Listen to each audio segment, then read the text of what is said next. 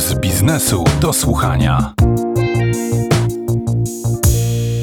Inwestorów indywidualnych jest zdecydowanie więcej niż instytucjonalnych. Ich profil przybliży nam Katarzyna Wabik, jedyna Polka w Binance, największej giełdzie kryptowalut na świecie.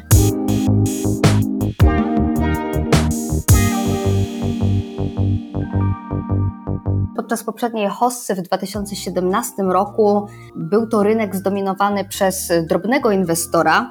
Zwykle były to osoby, które się gdzieś tam interesowały technologią blockchain i jej praktycznym zastosowaniem, ale też wielcy entuzjaści w ogóle y, decentralizacji tego całego pomysłu. Oczywiście, jak to w hossie, weszło też trochę osób gdzieś tam przyciągniętych chęcią y, szybkiego zysku.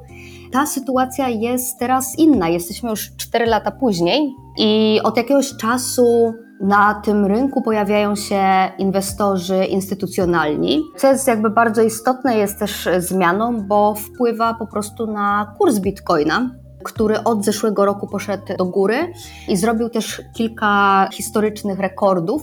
Nazywamy to w branży all-time high, czyli to jest najwyższy mm, wynik historyczny danej kryptowaluty. I ostatni właśnie all-time high Bitcoina jest z kwietnia tego roku, ale tych rekordów było kilka w ostatnich miesiącach. No i właśnie jest to spowodowane między innymi tym, że Bitcoin nie jest już takim e, nowicjuszem w tym świecie, Wręcz przeciwnie, ma już bodajże 12 lat. No i inwestorzy instytucjonalni zainteresowali się nim po prostu.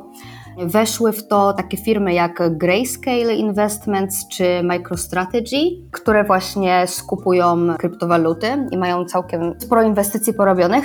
Dodatkowo też międzynarodowy gigant płatności online, czyli PayPal, umożliwił swoim użytkownikom transakcje kryptowalutowe i zrobiły bardzo duży, rekordowy wolumen w styczniu tego roku. To było ponad 200 milionów dolarów. I w związku z tym są właśnie ci inwestorzy instytucjonalni mamy zupełnie inną teraz sytuację. Jest oczywiście wciąż dużo drobnych inwestorów.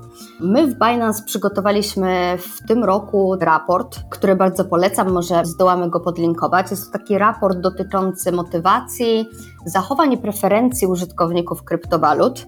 I są to dane, które zebraliśmy od e, ponad 60 tysięcy respondentów. Myślę, że warto spojrzeć do tego raportu. To się przyda pewnie i marketingowcom, i pasjonatom inwestowania, ale i technologii. No i to jest też ciekawy, myślę, fenomen społeczny też tak naprawdę i, i nie można go już ignorować. Więc takie najciekawsze dane e, pozwolę sobie e, szybko przytoczyć. 95% naszych respondentów to byli mężczyźni, a średnia wieku to 34 lata. Ja to rzeczywiście widzę. O ile w Binance pracuje bardzo dużo kobiet, myślę, że to jest nawet być może jej pół na pół, to widzę w polskiej społeczności krypto, że rzeczywiście jest bardzo zdominowana przez mężczyzn. 52% osób uważa krypto za źródło dochodu, nie za hobby, a dla 15% badanych jest to główne źródło dochodu. Respondenci powiedzieli nam, że częściej żałują, że czegoś nie kupili, aniżeli że kupili, czyli taki jest nastrój zwykle na rynku że się żałuje, że się czegoś w porę nie kupiło, bo potem bardzo urosło.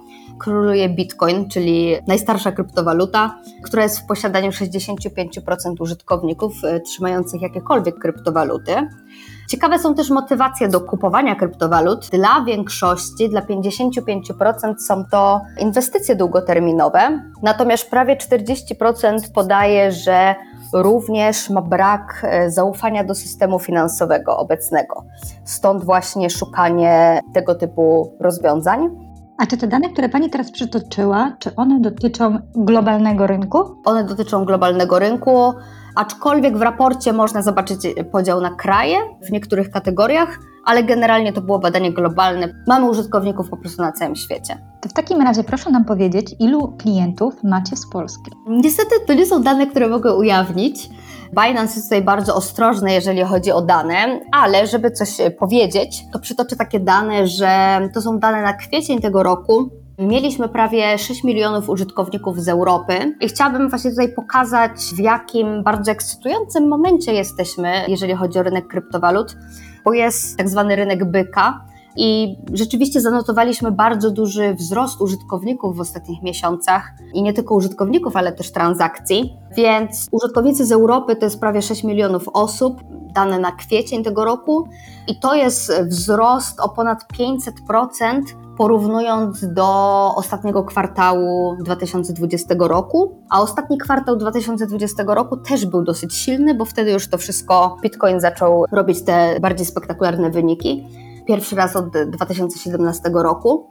I mam tu jeszcze takie dane, które mogłabym przytoczyć dla trading volume, czyli dla wartości transakcji. Jest to również duży wzrost w ostatnim czasie.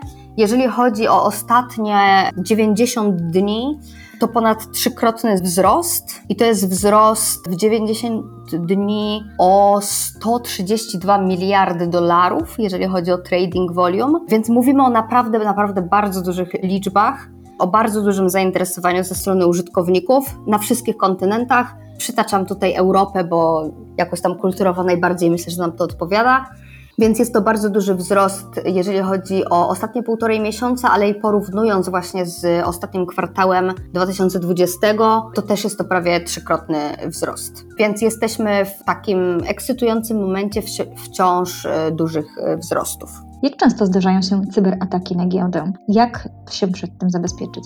Tak naprawdę bardziej prawdopodobnym scenariuszem, który może nam się przytrafić, jest próba wyłudzenia czy padnięcie ofiarą tak zwanego skamu, czyli po prostu oszustów. To są niebezpieczeństwa, które czyhają na użytkowników krypto każdego właściwie dnia. Skamerzy i właśnie oszuści są bardzo, bardzo sprytni tworzą różne strony phishingowe. Trzeba bardzo uważać, gdzie się wpisuje swoje dane. Budują strony właśnie do złudzenia przypominające strony jakichś giełd i tak dalej, i tak dalej. Więc trzeba po prostu bardzo uważać, gdzie się co wpisuje, skąd się pobiera aplikacje, Binance, giełdy czy jakiegoś portfela. Tutaj kryje się najwięcej niebezpieczeństw.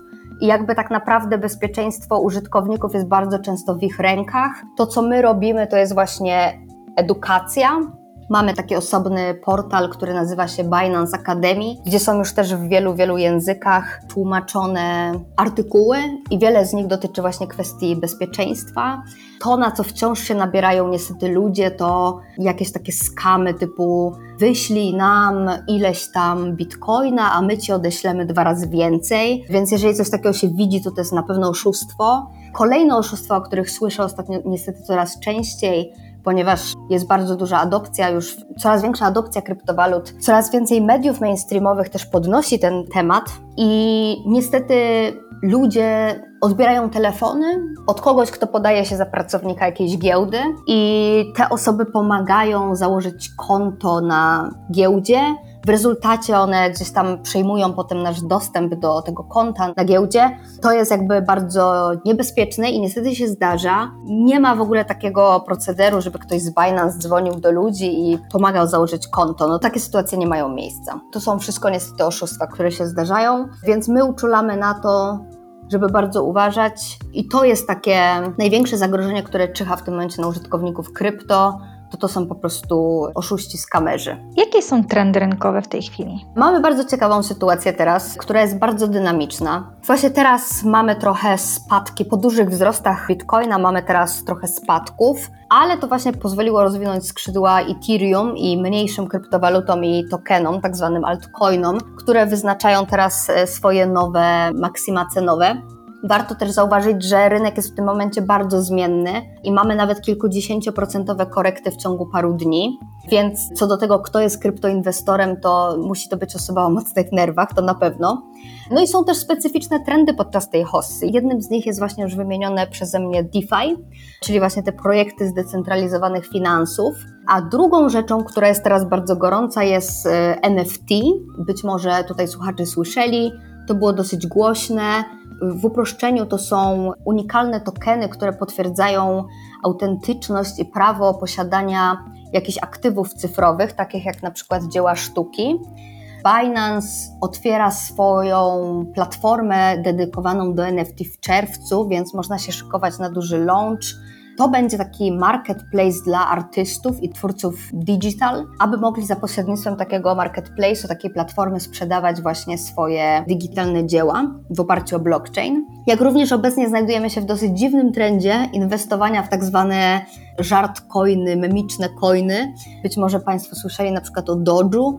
To są kryptowaluty, które zostały stworzone generalnie dla żartu i obecnie nie mają żadnych fundamentów, ale zyskują potężne zainteresowanie. Również dlatego, że są promowane przez influencerów, na przykład pokroju Elona Muska, i przyciąga to sporo ludzi właśnie nowych do branży, ludzi, którzy są y, gdzieś tam spragnieni łatwych zysków. Rozmawiałam z Katarzyną Wabik, polską przedstawicielką największej na świecie giełdy kryptowalut Binance. Dziękuję Pani za rozmowę.